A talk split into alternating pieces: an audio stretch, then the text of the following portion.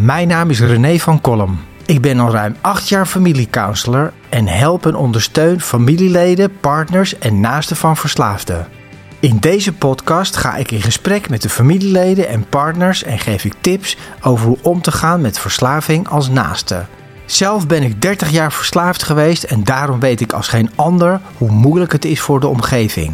Want niet alleen degene met de verslaving, maar ook de mensen om me heen hebben hulp nodig. Dit is Eerste Hulp bij Verslaving. Dit is een serie over voeding en Ari's gast vandaag is Jean Nyakairu. Onderzoeker en onder andere werkzaam bij Friesland Campina op de Research and Development afdeling. En ze gaan het hebben over proteïne.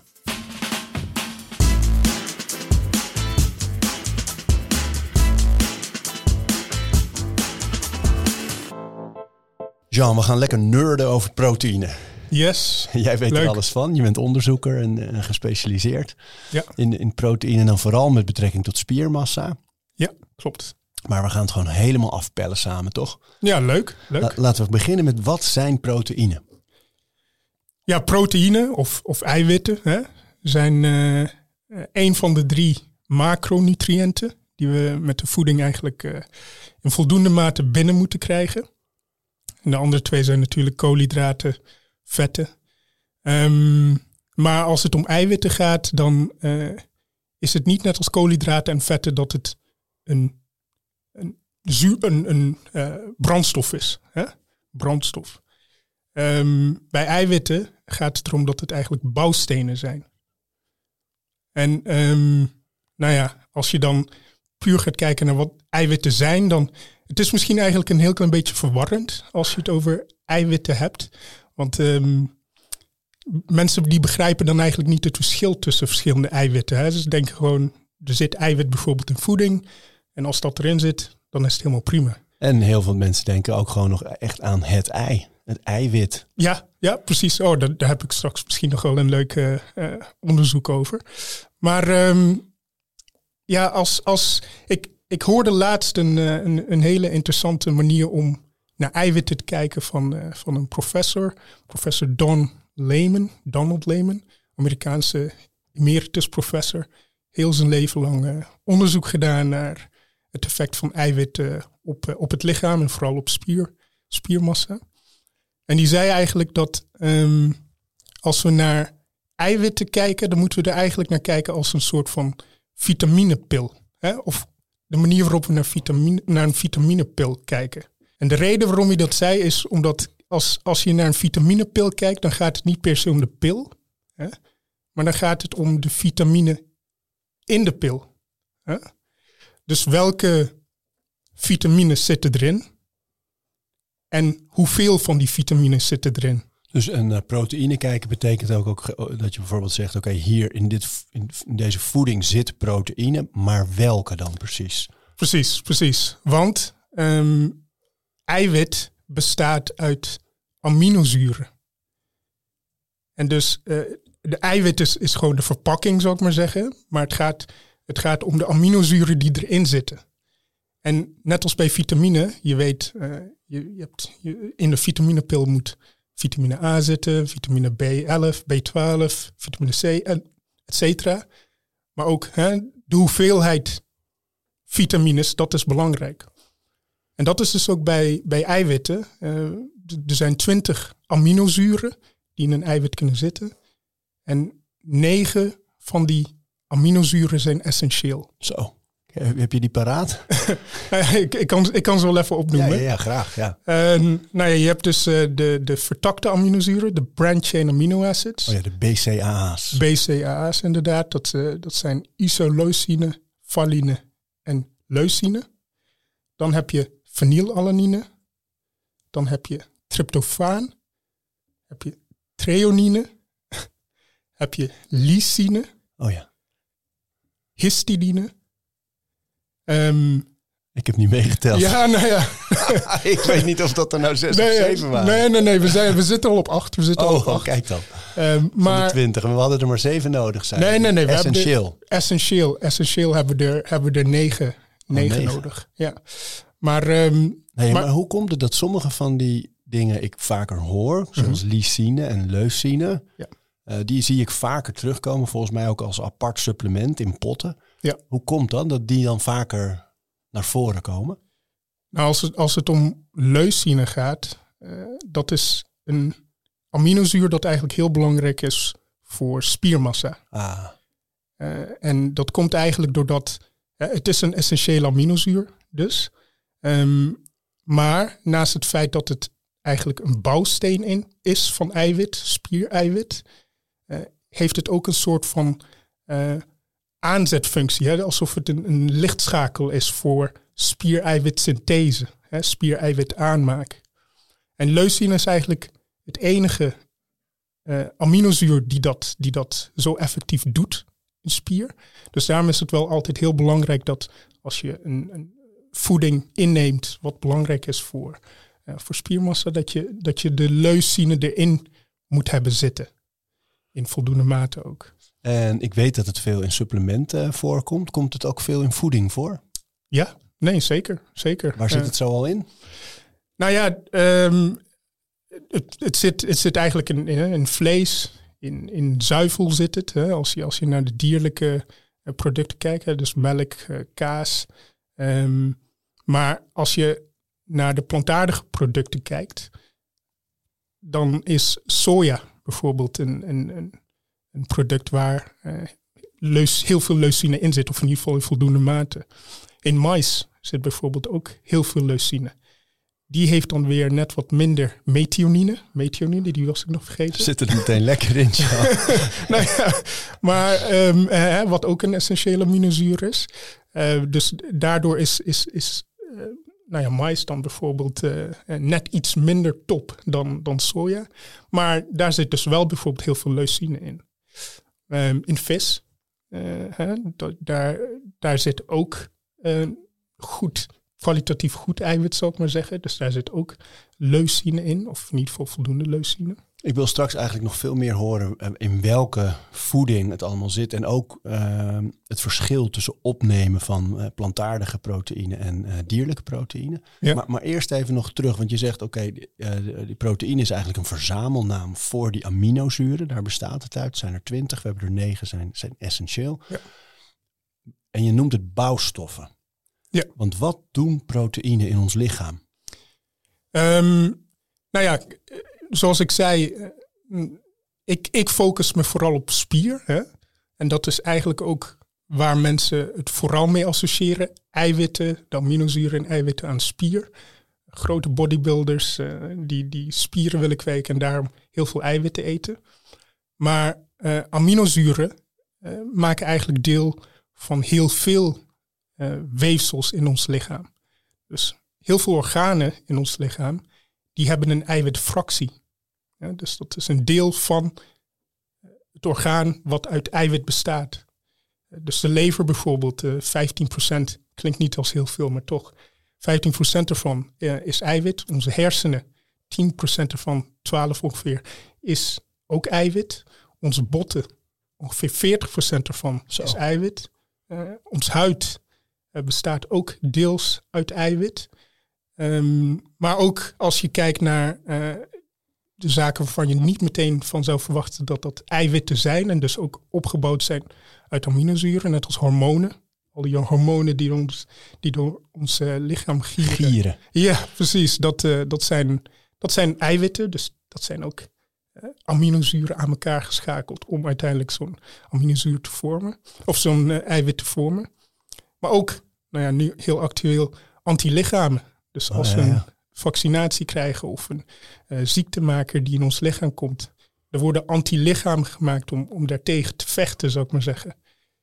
Dat zijn ook eiwitten. Zo joh. Dus, dus wat dat betreft um, is eiwitten en aminozuren zijn daarom heel belangrijk voor ons, uh, omdat het zoveel uh, um, structuren um, of zoveel structuren uit, deels in ieder geval uit eiwitten bestaan. Dus het heeft te maken ook met groei, met, met de functie zelfs van alles binnen in ons lichaam ook. Ja, ja. Um, met, laat ik eerst vragen um, wat er gebeurt als je te weinig eiwitten binnen zou krijgen. Voordat we erover gaan praten waar het allemaal in zit en hoe je het het beste opneemt. Ja.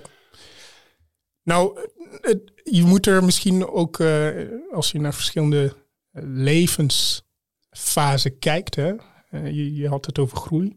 Dus als je, als je kijkt naar, naar kinderen, ehm, als zij dus te weinig eiwit binnenkrijgen, te weinig aminozuren, dan kun je je voorstellen dat heel veel structuren die afhankelijk zijn van aminozuren, dat, dat die zich niet goed kunnen ontwikkelen. Dus uh, groeiachterstand is één duidelijk voorbeeld van een eiwittekort.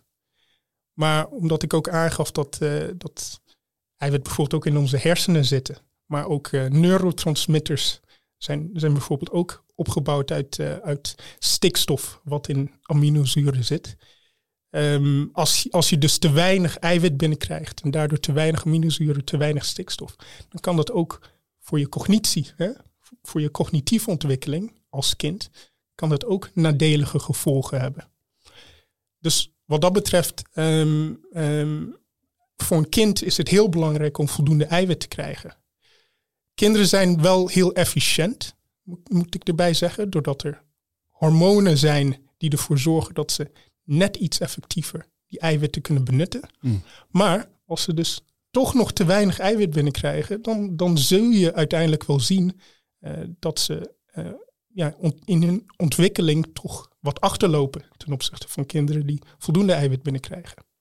Dus dat is dan bijvoorbeeld bij kinderen. Bij kinderen. Ja. Maar dan heb je bij volwassenen dat als je in principe te weinig eiwit binnenkrijgt, dat de groei speelt dan bijvoorbeeld geen rol meer. Maar eh, zoals ik zei, het immuunsysteem, dus antilichamen, bestaan ook uit eiwitten.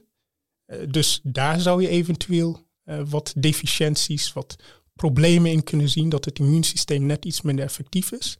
Maar je zou ook ehm, kunnen zien dat ze bijvoorbeeld bloedarmoede ontwikkelen. Hè? Want bloedarmoede, dat is eigenlijk een tekort aan, aan, eiwitten in het bloed deels bijvoorbeeld ook uh, het eiwit dat, uh, dat zuurstof uit de longen opneemt en dat trans, transporteert naar andere delen in het lichaam, hemoglobine.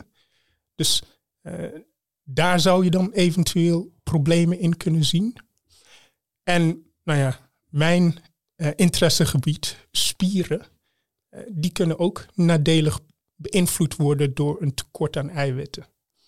Want um, nou ja, als je, als je dus naar spieren kijkt, ongeveer 20% daarvan uh, zijn eiwitten. Je hebt natuurlijk ook heel, heel veel vocht, wat ook deel uitmaakt van, van je spieren. Maar uh, je kunt je voorstellen als je te weinig eiwit binnenkrijgt, dat, dat, dat die fractie en dus dat je spieren ook zullen afnemen of kunnen afnemen.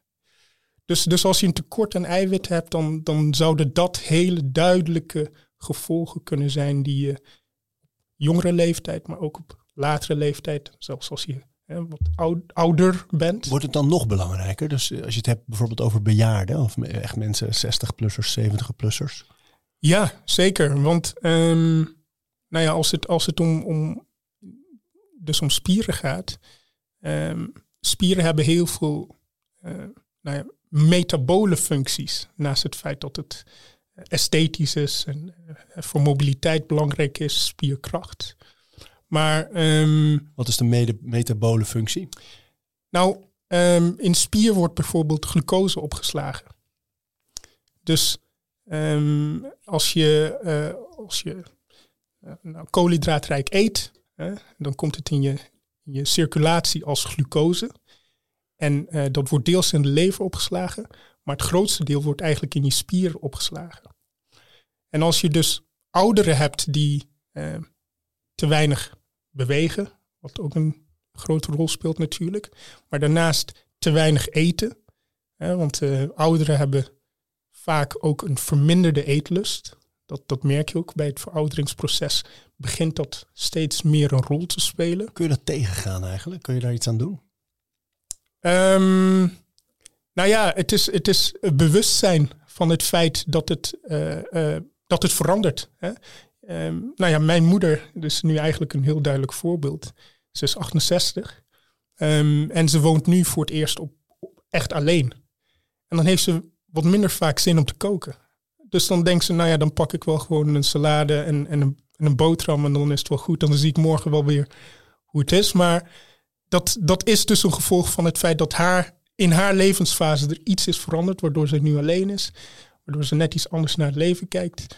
En um, uh, ook anders omgaat met zichzelf. Hè? En denkt van, nou ja, ik hoef niet zoveel moeite te steken in bijvoorbeeld een flinke maaltijd, lekkere maaltijd bereiden. Dus eigenlijk als je ouder wordt, zo die leeftijd, 68 en hoger, Um, of 60 en hoger, maar in ieder geval oh. ouder. Ja, het is altijd, weet je, het is voor mij namelijk opgeschoven, merk ik nu ik zelf dicht in de buurt van de 50 kom. Eerder zei ik altijd 50 plus, maar ik denk nee man, dat ben ik over drie jaar. Dat is, zo voel ik me niet. Maar, dus, dus ik heb het nu vaak over 60 plus, 65 plus als ik het over oudere mensen heb. Ja. Maar um, dan wordt het nog belangrijker om echt na te denken over wat heb ik nodig. En dat moet ik in ieder geval binnen zien te krijgen, ook als ik geen trek heb. Ja, klopt. Ja, en, en um, nou ja, dat verouderingsproces. Ik, ik, zal, uh, ik ben zelf uh, bijna 35, maar dat begint op je 35ste al. Hè. Dat noemen ze sarcopenie. sarcopenie hè, precies. Ja, wat is dat ook alweer precies? Dat is een uh, leeftijdsgebonden afname in spiermassa. Ik ben het nu even vanuit het Engels aan het vertalen. maar, um, deed je vloed, vlot. Ja, nou ja, goed. maar dat, dat betekent eigenlijk dat je op een gegeven moment dan, dan, dan slaat je lichaam uh, een, een, nou ja, om in de zin van dat je meer in een soort van katabole uh, uh, fase kunt belanden. Heeft ook vaak te maken met heel veel dingen die in je leven veranderen. Maar bijvoorbeeld zoals ik zei, kinderen zijn heel efficiënt doordat er heel veel hormonen door hun lichaam gieren en daardoor de, de eiwitten, de aminozuren effectief kunnen inzetten. Maar als je wat ouder wordt, dan vermindert de effectiviteit of de hoeveelheid hormonen, anabole hormonen in je lichaam, dat, dat neemt ook af. En dat is dus ongeveer vanaf je 35ste dat die achteruitgang in de, in, eh, wordt ingezet. Je zegt het met een glimlach. nou ja, ik ben, ik ben, zelf, ik ben zelf dus ook 35, eh, Dus, uh, dus ik ben me daar bewust van. Vind je het confronterend?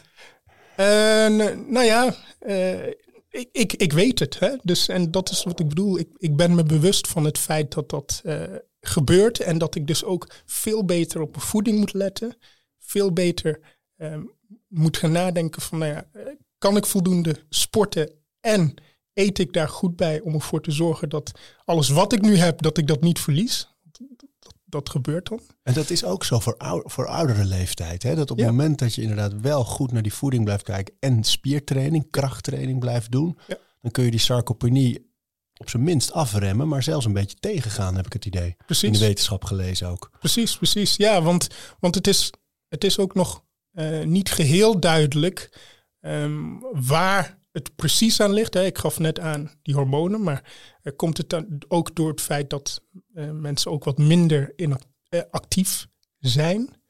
Um, zijn er veel meer fysiologische factoren die je kunt, kunt, um, kunt relateren aan, aan die achteruitgang? Maar aan de andere kant, je ziet wel dat als mensen actief blijven en voldoende uh, op hun voeding letten, voldoende eiwit binnenkrijgen, dat ze dat inderdaad kunnen tegengaan en zelfs spiermassa kunnen laten toenemen. Schitterend. Ja, precies. Dus, dus wat dat betreft, uh, er is een weg terug. uh, of er is een manier om het allemaal te behouden. Hoopvol, hè? Ja, nee, zeker. Ja, je bent 35, Jean. Nee, nee, nee. nog helemaal niks te zeggen daarover. Ja, maar, maar, um, um, maar het, is, het is zeker mogelijk. En, en nou ja, probeer gewoon te doen wat je wat je kunt doen om ervoor te zorgen dat je het in ieder geval behoudt.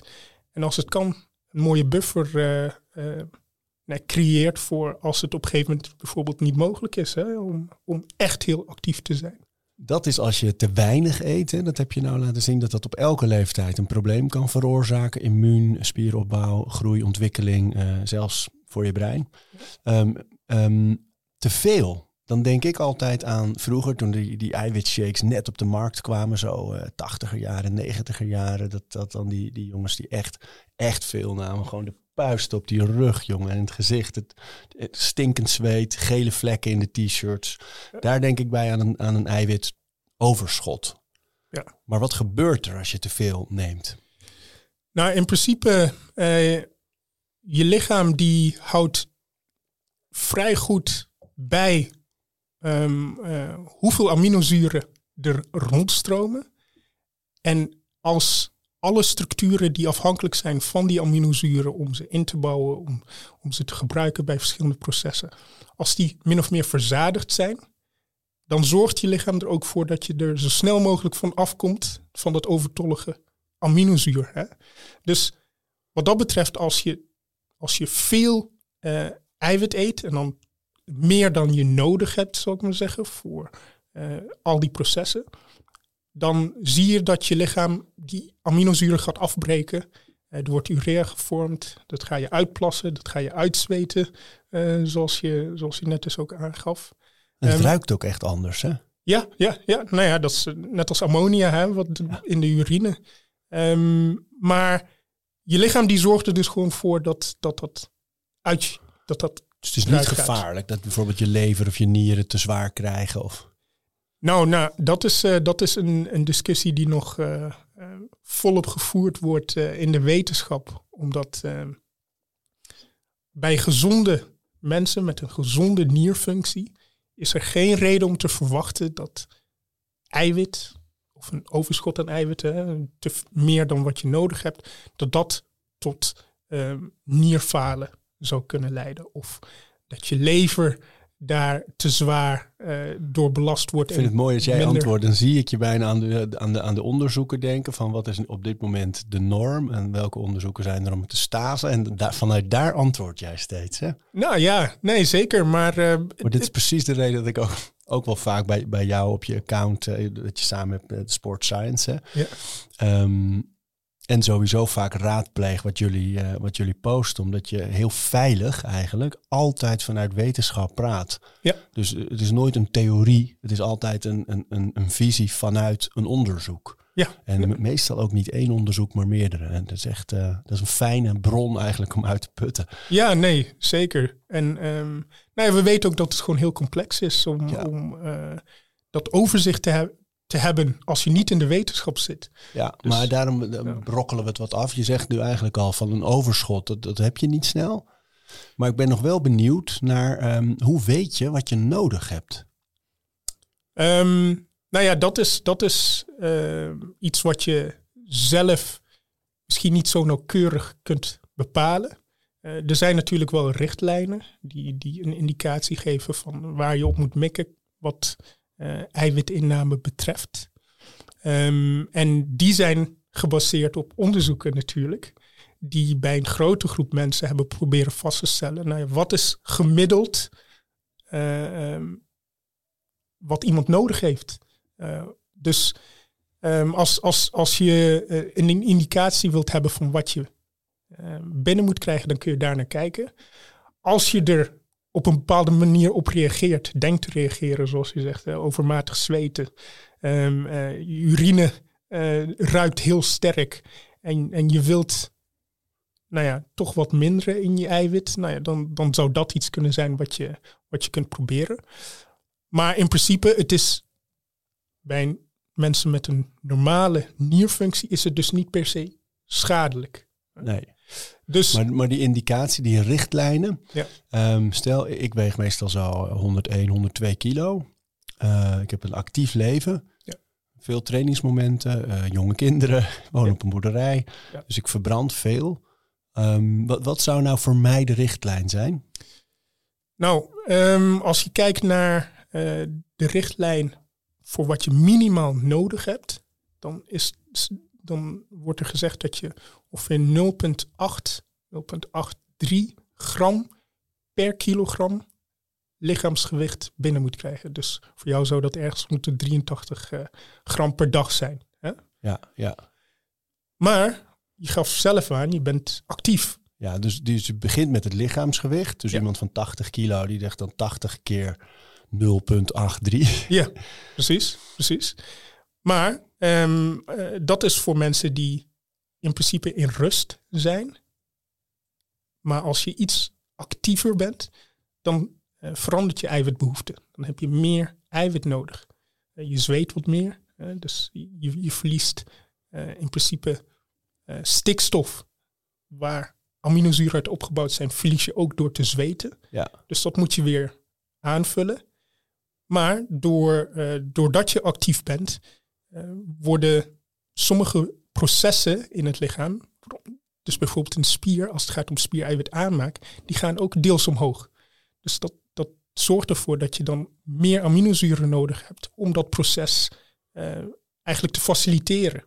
Dus, dus, dus, stel die persoon van zo'n, uh, nou ik denk onze luisteraars die zullen een paar keer in de week in ieder geval uh, actief zijn met sport, yoga, wat dan ook. Fietsen, rennen, zwemmen. Bergbeklimmen, tuinieren, ja. ga maar door. Ja. Uh, een paar keer in de week actief daarmee. Ik, ik vermoed een redelijk actief leven en redelijk goed slapen, redelijk goed eten.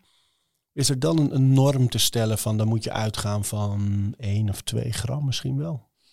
Um, nou, als het, als het, uh, het ligt er ook een beetje aan wat je, wat je doel is. Hè? Maar als ik het dus weer relateer aan, aan, aan, spiermassa, aan, aan het uh, optimaal faciliteren van het spieronderhoudsproces, en misschien zelfs een toename in spiermassa zien, op een gezonde manier natuurlijk, niet bodybuilding per se.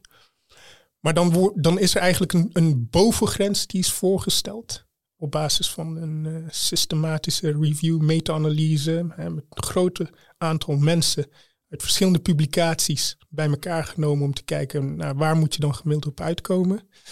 En daar, daarbij wordt gezegd dat als je 1,6 gram per kilogram lichaamsgewicht per dag binnenkrijgt, dat dat voldoende moet zijn om in ieder geval voor spiermassa uh, um, voldoende eiwit binnen te krijgen.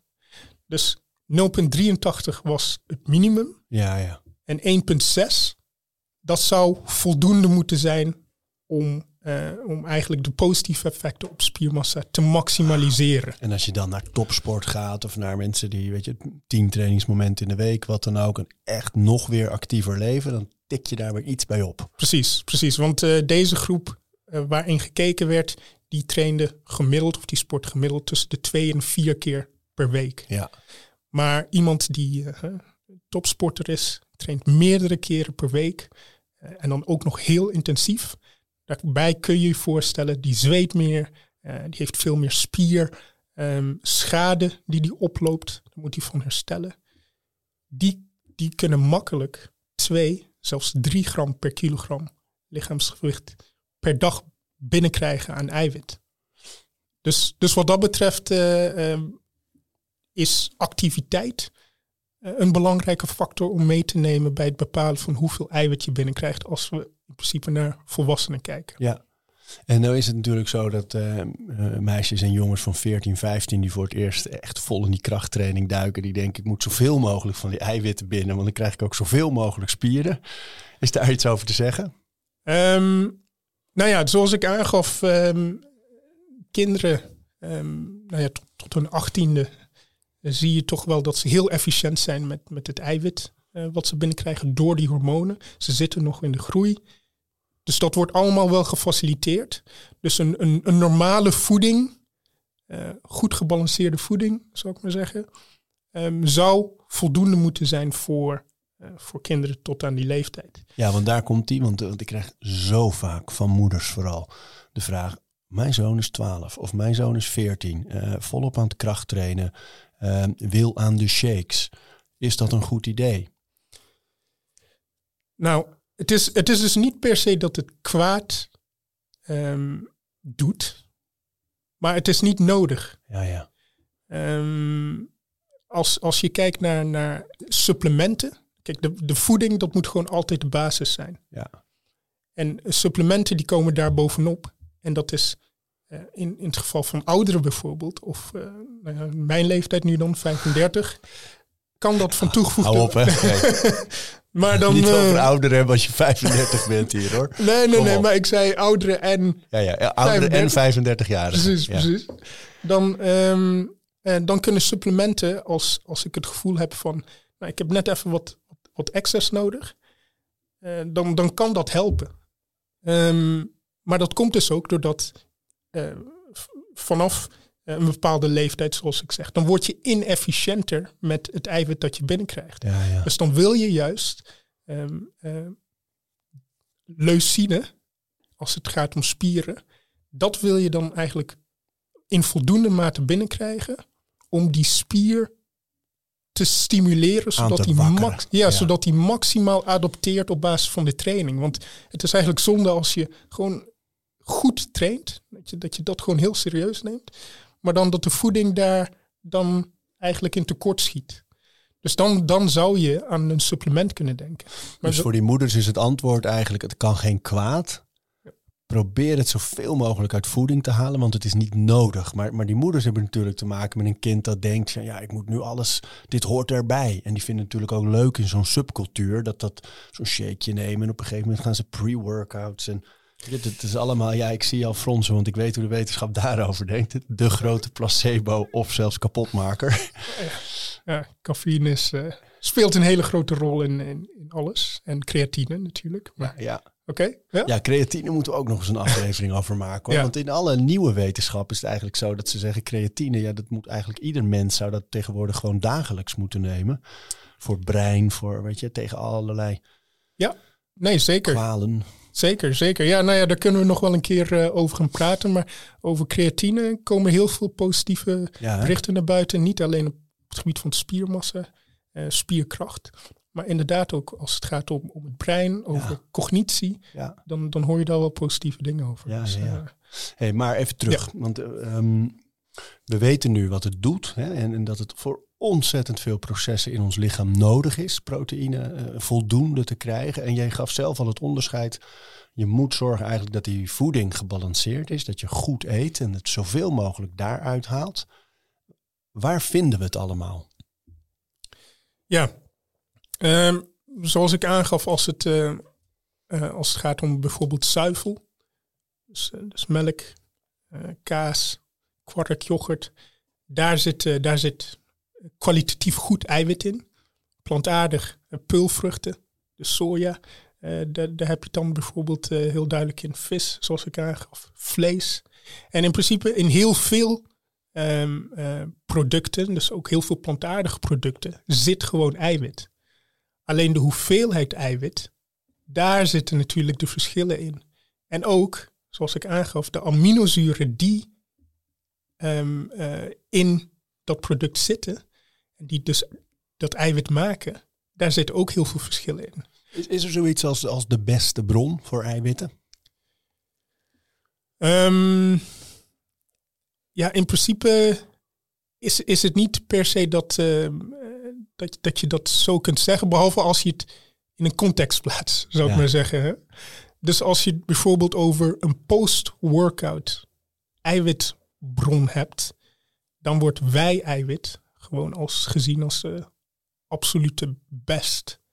En dat komt gewoon doordat het snel verteerbaar eiwit is. En we zien natuurlijk allemaal op die pakken staan, hè, de whey, W-H-E-Y. Maar wat is nou precies whey-eiwit? Wat is het? Ja, wij-eiwit is eigenlijk een van de melkeiwitten. En, eh, nou, je hebt wij-eiwit en caseïne. Dat zijn de, de twee grootste eh, melkeiwitten. Ehm, en ehm, nou ja, wij-eiwit is een snel verteerbaar eiwit.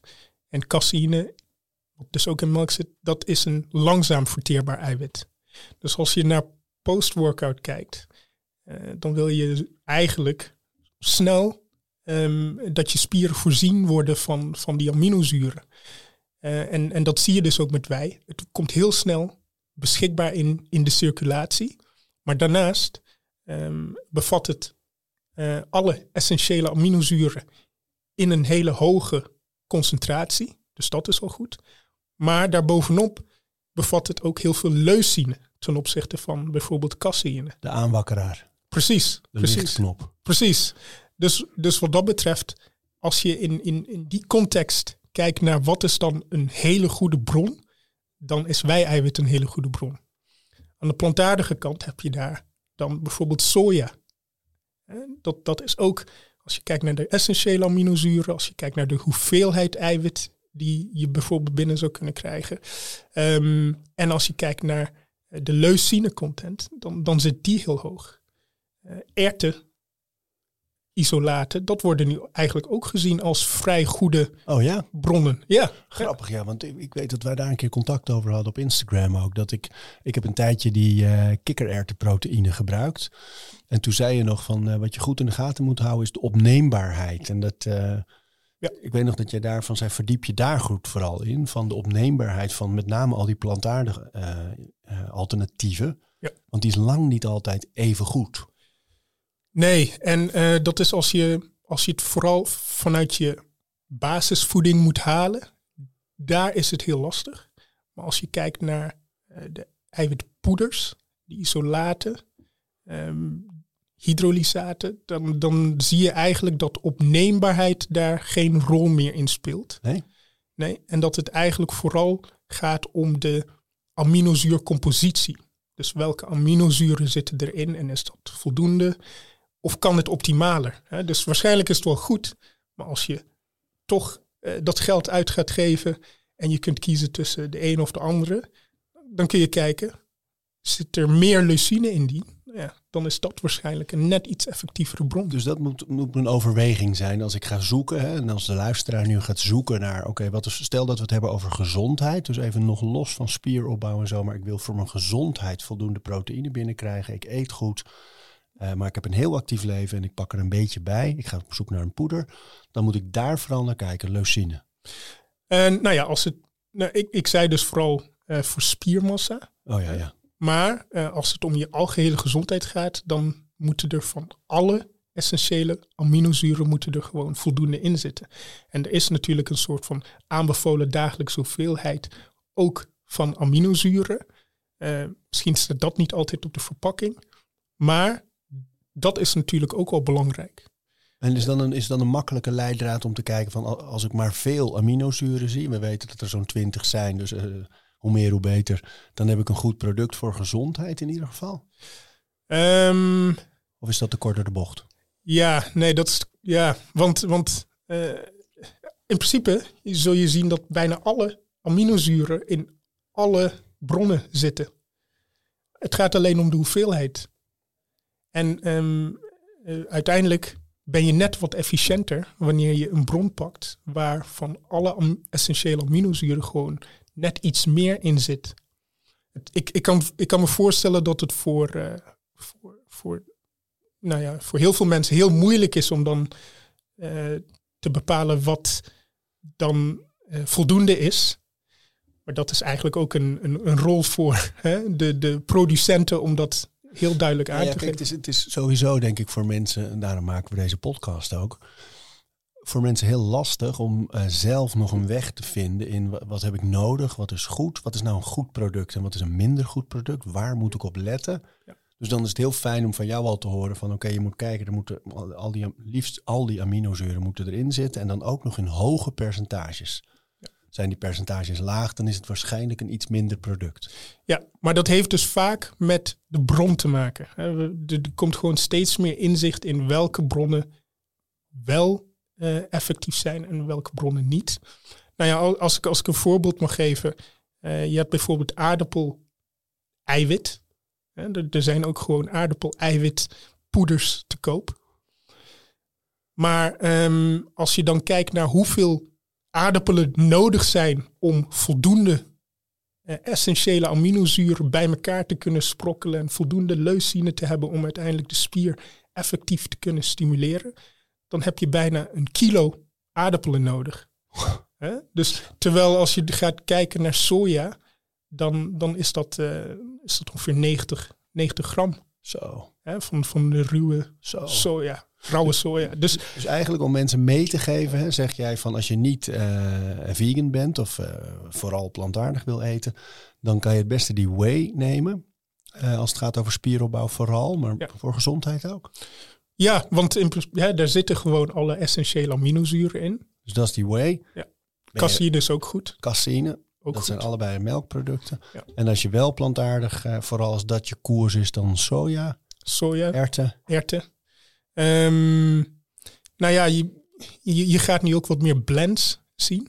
Hè? Dus waarbij ze eh, bijvoorbeeld eh, erwten combineren met, met, een, met een wat minder eh, ehm, eh, bron. Ehm, maar dat is om ervoor te zorgen dat ze elkaar complementeren. En dat, dat ook weer heel moeilijk voor de gewone consument om, om daar om dat te, te kunnen zien. Maar ehm, nou ja, daarom schrijven wij er bijvoorbeeld ook gewoon stukken om mensen daar in ieder geval een klein beetje bij te helpen. Om, om dat inzicht te geven van oké, waarom is dit, deze combinatie dan, dan goed? Ehm, en uh, nou ja, ik, hoop dat er meer van dat soort bronnen komen om ervoor te zorgen dat mensen daarin geholpen worden. We moeten aan het einde van de aflevering niet vergeten jouw uh, die plekken waar jullie dit publiceren, dat we die even goed en duidelijk noemen. Dat iedereen weet, ah, daar kan je gewoon altijd naartoe om te raadplegen. En jullie posten ook veel op Instagram. Ja, zeker, zeker. Ja. Um, dat is over opneembaarheid, over wat is goed, uh, hoe, hoe, kun je kiezen. Um, ik wil toch even terug naar die branch chain amino acids. Want die BCAA's die worden ook veel in uh, supplementen aangeboden. Hè? Ja. En er is heel veel discussie over online. Ja. Uh, heeft dat zin? Heeft het zin om BCAA's te nemen? Heb ik het over sporters? Ja. Um, in principe uh, BCAA's, daar zit dus ook leucine in. Degene die de, die de knop aanzet om ervoor te zorgen dat spiereiwitsynthese plaatsvindt. Maar um, dat is niet voldoende. Want als je eenmaal begint te bouwen, dan heb je ook bouwstenen nodig. En daar gaat het dus eigenlijk mis dat wanneer je alleen maar branched-chain amino acids neemt, dat je op een gegeven moment een tekort hebt aan alle andere essentiële aminozuren die je nodig hebt om verder te kunnen bouwen. Ja, dan heb je eigenlijk dat lichtschakelaartje zonder dat er een lamp is ergens. Ja, ja. En, en dan, heb je, dan ga je eigenlijk uh, uit de pool putten die nog in het lichaam beschikbaar is. Dus uh, die schakelaar wordt aangezet en dan wordt van alle kanten wordt dan uh, essentiële aminozuren weggetrokken. Um, klinkt extreem, maar op een gegeven moment is die pool gewoon op. Want zoals ik aangaf, als je lichaam het gevoel heeft van ik heb de alle aminozuren die ik nodig heb voor de processen, dan scheidt hij de rest uit. Hè? Dan, dan, dan breekt hij dat eigenlijk af.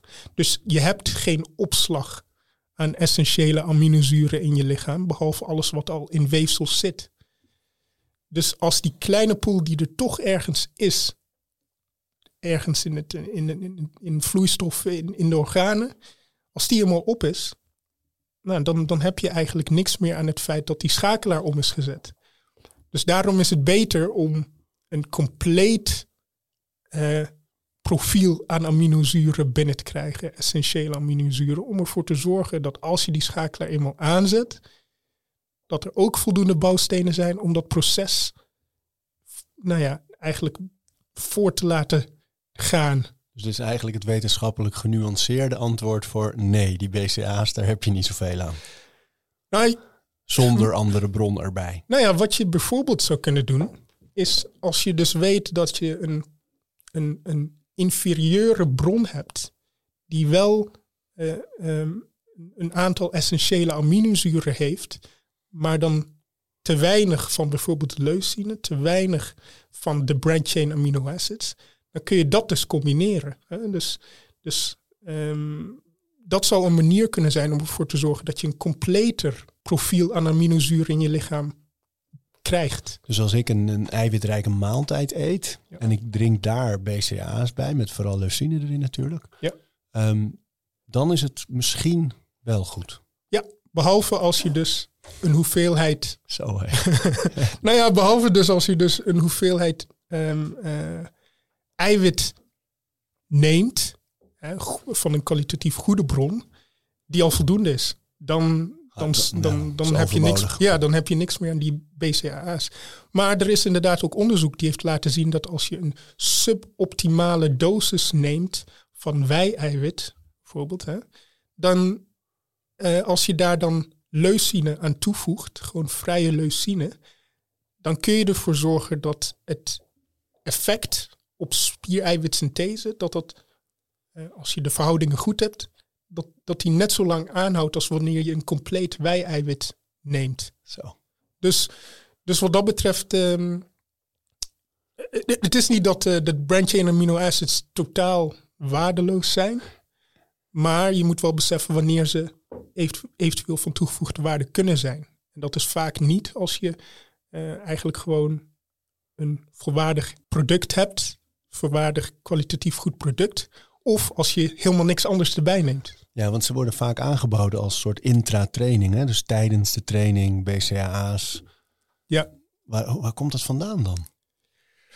Ja, dat, dat, dat weet ik dan eigenlijk ook niet. Ze proberen toch een manier te vinden, denk ik, om ze, om ze een plekje te geven.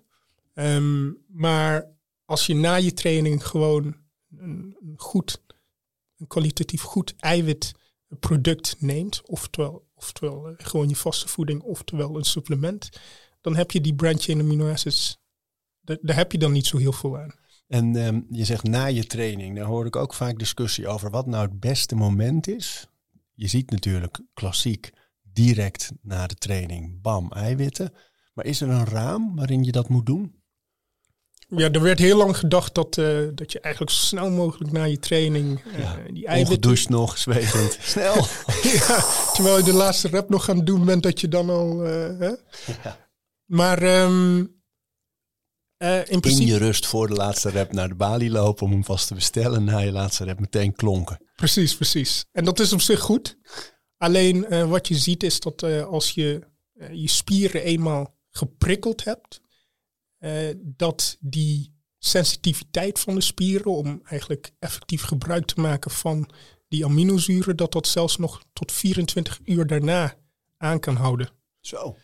Dus dat betekent dat eh, als je in die 24 uur daarna gewoon ehm, eh, je eiwitten binnenkrijgt, kwalitatief goed eiwit zeg ik er nogmaals bij, ehm, eh, dan maak je er optimaal gebruik van.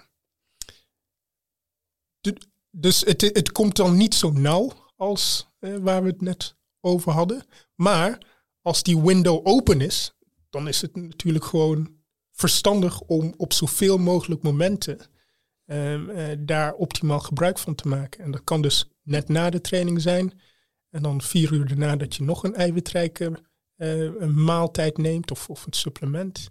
Net voor het slapen gaan, ochtend daarna. Dus wat dat betreft, ehm, eh, die window die, die is wel iets wijder dan eh, ja, waar we eh, een, een hele tijd geleden aan dachten. Hey, en even jou persoonlijk, hè? Want, want jij weet hoe het allemaal zit. Van, neem jij nou nog shakes bij of haal je echt alles uit voeding? Ik, ehm, ik, ik neem nog wel shakes, omdat ik ehm, deels misschien ook voor de zekerheid, hè, dan, eh, want er zijn momenten waarop je niet zo goed kunt eten eh, als, als dat je zou willen.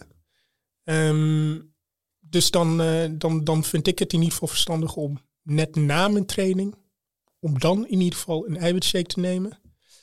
En dan ehm, nou ja, bij het avondeten weet ik gewoon wat erin zit. En vaak dat dat ook wel genoeg is. Maar dan weet ik in ieder geval, ik heb, ik heb die prikkeling, die, eh, eh, die, die, die eerste stimulus, die heb ik alvast eh, gegeven aan de spier door te trainen en meteen eiwit eh, in te nemen. En dan neem je whey bij. Ja, ja, bij eiwit. Ja. Want is er iets te zeggen over of, het, of wat nou beter opneembaar is? de, de plantaardige of de dierlijke proteïne? Ehm, als het gaat om vaste voedsel of als het gaat om Laten we eerst vast voedsel doen. Dus als je uit, uit Ja. voeding je proteïne haalt, volledig uit voeding, Ja. is het dan beter opneembaar vanuit eh, dierlijke producten als vlees, zuivel enzovoort? Ja. Of plantaardig, groenten, peulvruchten, noem ze allemaal maar op. Ehm, nou ja, in principe is het zo dat, eh, dat dierlijk eh, makkelijker op te nemen is. Ehm, je krijgt daar vaak ook ehm, meer eiwit per gram dan, eh, dan, dan bijvoorbeeld met, met de meeste plantaardige eiwitten. Ehm, want bij plantaardig zie je soms dat er bijvoorbeeld vezels in zitten die ervoor zorgen dat het eiwit, of in ieder geval de structuur, net wat minder makkelijk eh, te verteren is om er maximaal eh, eiwit uit te onttrekken.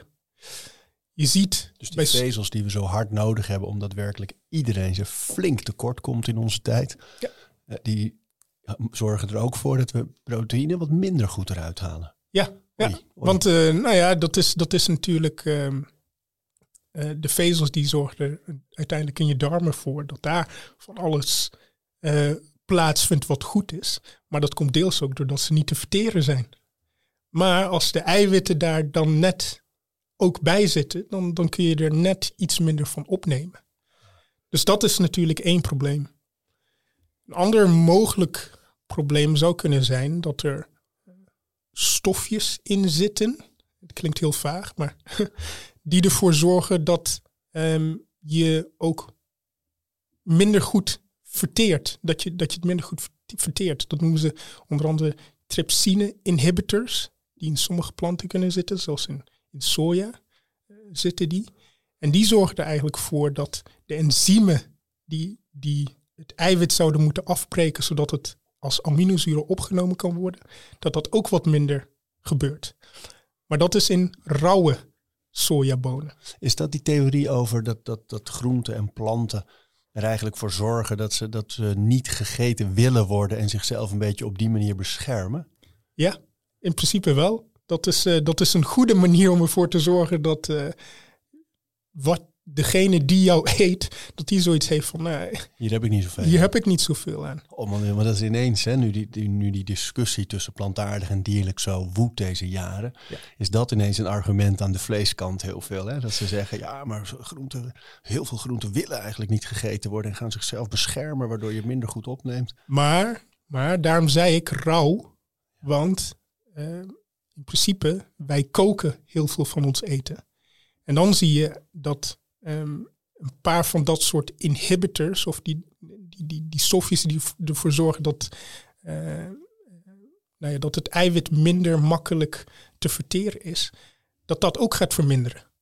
Dus dat is ook wel Um, um, een, een, een, tegenargument voor, voor Ja. dat soort, uh, Nou, voor dat soort dingen. de wetenschap is volgens mij redelijk duidelijk over dat het he- zeer raadzaam is om gewoon bij elke maaltijd groente te eten. Dat je Zeker. veel meer vezels nodig hebt. Zeker, zeker. Dus, dus wat dat betreft is dat ook niet... voor groente. Nee, precies, precies. Maar, ehm, maar waar het, waar het eh, hè, want je, je vroeg eh, verteerbaarheid, Ja. dan zal, zijn dat factoren die natuurlijk wel een rol spelen.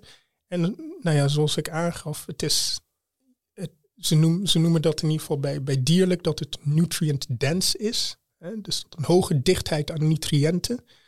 Eh, dus ook eiwitten. En dat is bij plantaardigen net wat minder. Zoals ik aangaf, eh, aardappels. Als je, als je daar je eiwit uit zou moeten halen, dan moet je een kilo eten om 20 gram eiwit eruit te kunnen halen. Terwijl als je een stuk vlees eet, ja, dan is dat met, met 100 gram. Of met, met vis, dan is, dat, eh, dan is dat ook met 100 gram. Zo. Dus, ehm, dus dat, dat maakt het allemaal net even wat, wat, wat lastiger. Ehm, maar als je daar bewust van bent en als je weet hoe je daarmee om moet gaan en als je de goede combinaties kunt maken tussen planten en de juiste hoeveelheden binnenkrijgt, nou, dan, dan is het gewoon allemaal mogelijk. En maakt het bij dierlijke proteïnen nog uit? ehm, dus, de, dus de discussie vaak over voeding is: eh, zorg dat het zoveel mogelijk echte producten onbewerkt. Geen bio-industrie. Ehm, maakt dat bij proteïne nog uit? Dat als, dat als je die proteïne uit een plofkip haalt, is dat net zoveel als dat ze van een kip die heerlijk door de wei gehuppeld heeft? Ehm, nou ja, dat specifieke voorbeeld, daar, daar durf ik dan niks over te zeggen. Ik, ik, ik heb daar eh, niet eh, cijfers paraat van. Als je, als je bijvoorbeeld kijkt naar, eh, naar, ehm, naar sommige producten, wanneer ze verhit worden, dan kan er ook een, een, een reactie plaatsvinden tussen een bepaald aminozuur in het eiwit en de vrije suikers die in het in, in, in de bron zitten. En dat zorgt er eigenlijk voor dat eh, het eiwit dan minder bruikbaar wordt. Omdat lysine is dan een van de essentiële aminozuren, een van de bouwstenen. En als je daar dus minder van hebt uiteindelijk, dan zorg ervoor dat alle andere essentiële aminozuren ook niet effectief kunnen worden gebruikt, omdat ze lysine daar deels bij nodig hebben. Dus dan heb je eigenlijk dat verhitting, dus in een productieproces, dat dat ervoor kan zorgen dat een eiwit net wat minder goed opneembaar of effectief te gebruiken is. En de reden waarom ik dit, eh, deze voorbeeld eh, geef, is omdat dat eh, dus bijvoorbeeld bij poeders het geval is. Want daar, dat moet verhit worden om ervoor te zorgen dat al ehm, eh, de vloeistof in principe eruit gaat, eruit verdampt. Ehm, maar je hebt dus ook, als je kijkt naar bijvoorbeeld graan, en daar wordt brood van gemaakt, daar zit ook een verhittingsproces in, wat ervoor zorgt dat uiteindelijk het eiwit dat erin zit, dat dat minder bruikbaar wordt. Dus als je het hebt over productie, dan zijn er wel een aantal haken en ogen waar we rekening mee moeten houden, die aan de ene kant ervoor kunnen zorgen dat, ehm, eh, dat het allemaal net wat beter op te nemen is. Dus als je aan de plantkanten kijkt, hè, dat, dat, je daar isolaten hebt die ervoor zorgen dat je, je je eiwitten net wat beter in kunt zetten. Maar aan de andere kant, als, je, eh, als de verhitting op, op een bepaalde manier nadelig werkt, dan gaat het weer de andere kant op. Dus dat is dan echt aan de productiekant. Nou, als het gaat over, over uh, vee en, en hoe, hoe, die verschillen zijn wanneer je um, um, anders met ze omgaat, dat durf ik niet te zeggen. Maar je kunt je voorstellen dat als er veel meer water in je vleesproduct zit, dat de hoeveelheid eiwit hè, in het droge stof, dat die in verhouding minder wordt. Hoeveel minder durf ik niet, niet te zeggen, Nee, maar, zoiets. Hier durf ik, dan durf ik wel te concluderen dat het ook hier weer zo is dat die bio-industrie en superbewerkte voeding gewoon over het algemeen geen goed idee is. Het, het kan soms nadelig zijn. Ja, je bent toch een veilige wetenschapper, hè? Nou ja, dat nou ja. je ook, hoor. Dus het li- het ligt eraan hoe je er naar kijkt. Dat we hebben is het nu vooral over eh, spieropbouw hè, en, waar het allemaal voor nodig is. Ehm, toen wij het hadden over hoe, hoe kunnen we dat afpellen, wat die proteïnen nou zijn, wat ze doen, waarom we ze nodig hebben. Toen zei jij, het is ook wel interessant om te kijken hoe proteïnen een rol kunnen spelen bij afvallen. Ja. Wat, wat bedoel je daarmee? Ehm, nou ja, als, als mensen ehm, aan afvallen denken, dan kijken ze natuurlijk heel erg naar de koolhydraten. Die moet ik aanpakken. Of, of de vetten. Maar ehm, eh, er wordt ook, ehm, of er is onderzoek dat er eigenlijk heeft laten zien dat eiwitten daar een positief effect in kunnen spelen. Hè, want dat, dat, dat is ook een deel van je voeding die je binnen moet krijgen. Ehm Eén, het kan dus een positief effect hebben op je spiermassa, wat natuurlijk ook weer een effect kan hebben op je eh, basaal metabolisme, als je voldoende spieren behoudt of laat toenemen. Maar twee, bij elke ehm, maaltijd, als daar eh, een bepaalde hoeveelheid eiwit in zit, en dat is voldoende, dan kan dat ook verzadigend werken. Hè.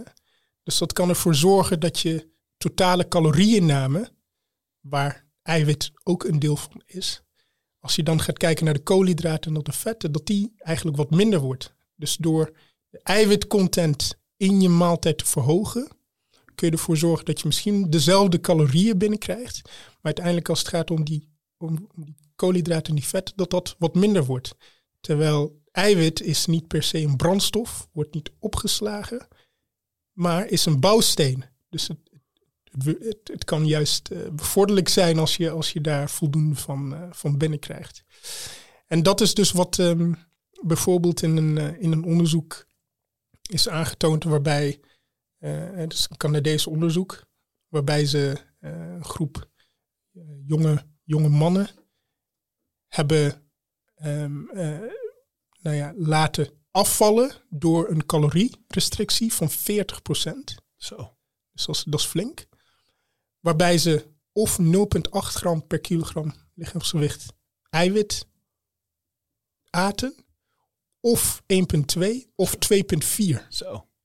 En wat ze zagen was eigenlijk dat met die 1,2 gram per kilogram, eh, dat je een afname ziet in vetmassa, een afname eh, ziet in totale gewicht, maar dat de spiermassa niet per se veranderde. Wauw.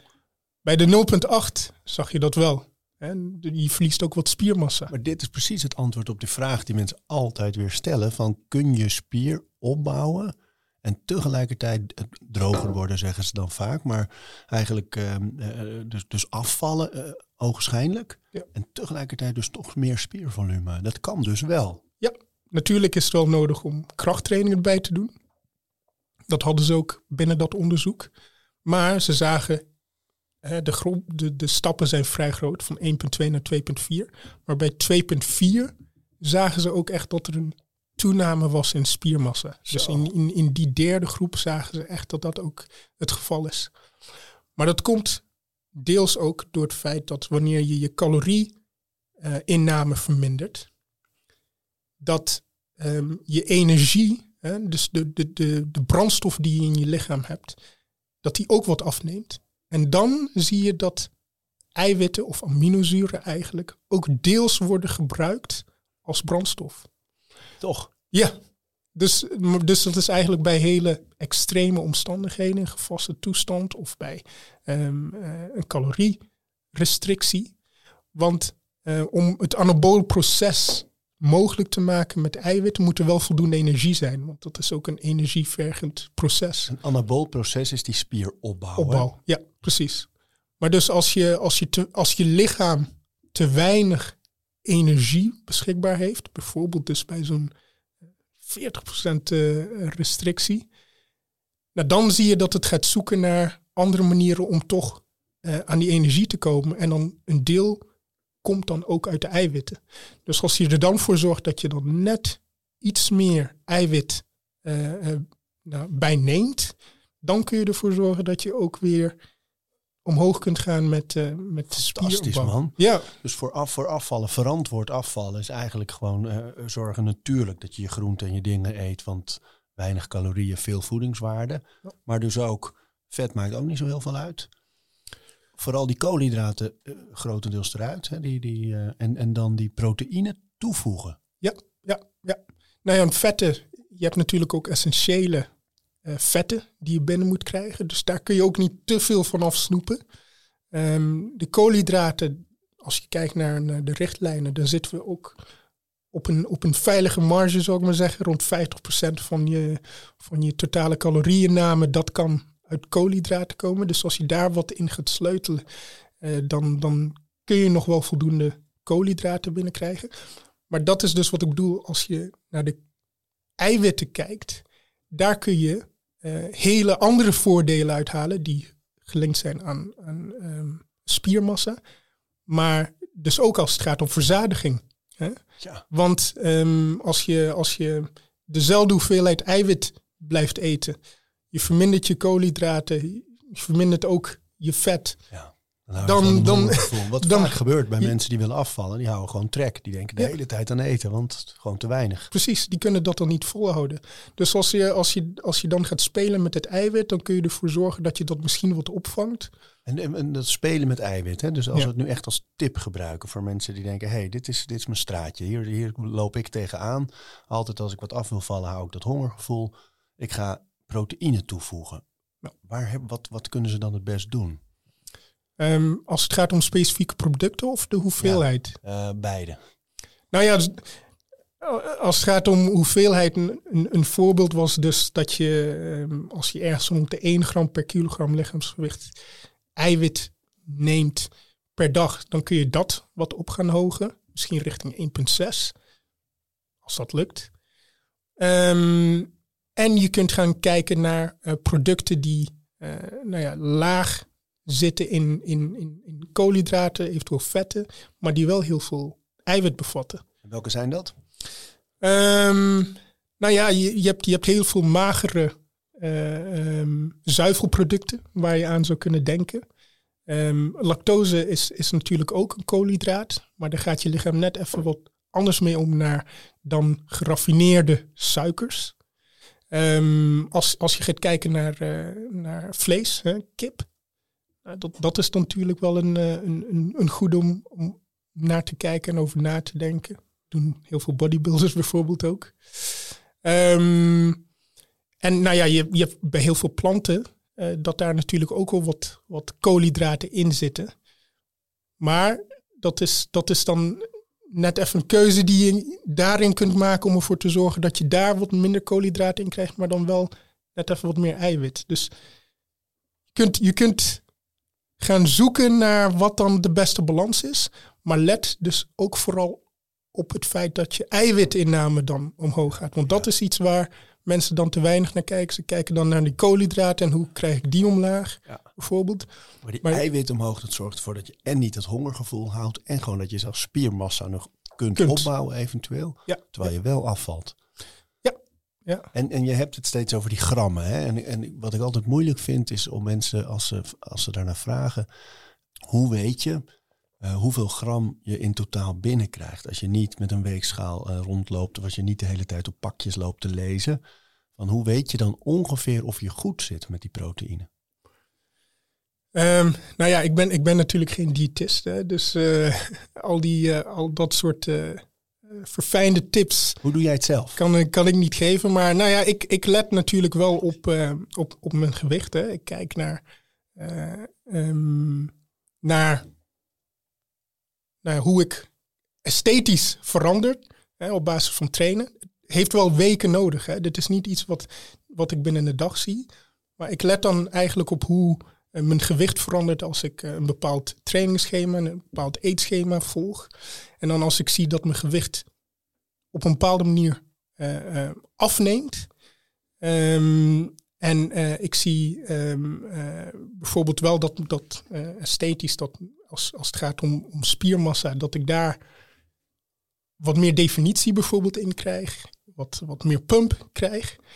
Nou, dan, dan weet ik dat het in ieder geval wat betreft de eiwitten wel goed zit. Hè? Ja, ja, ja. Want ja. op basis voor, voor mijn spieren weet ik in ieder geval dat ik, dat ik wel goed zit. Maar het is dus moeilijk om bij te houden van stel, ik eet elke dag een ei. Is daar dan ook niet van te zeggen van nou, en dat is ongeveer zoveel gram al?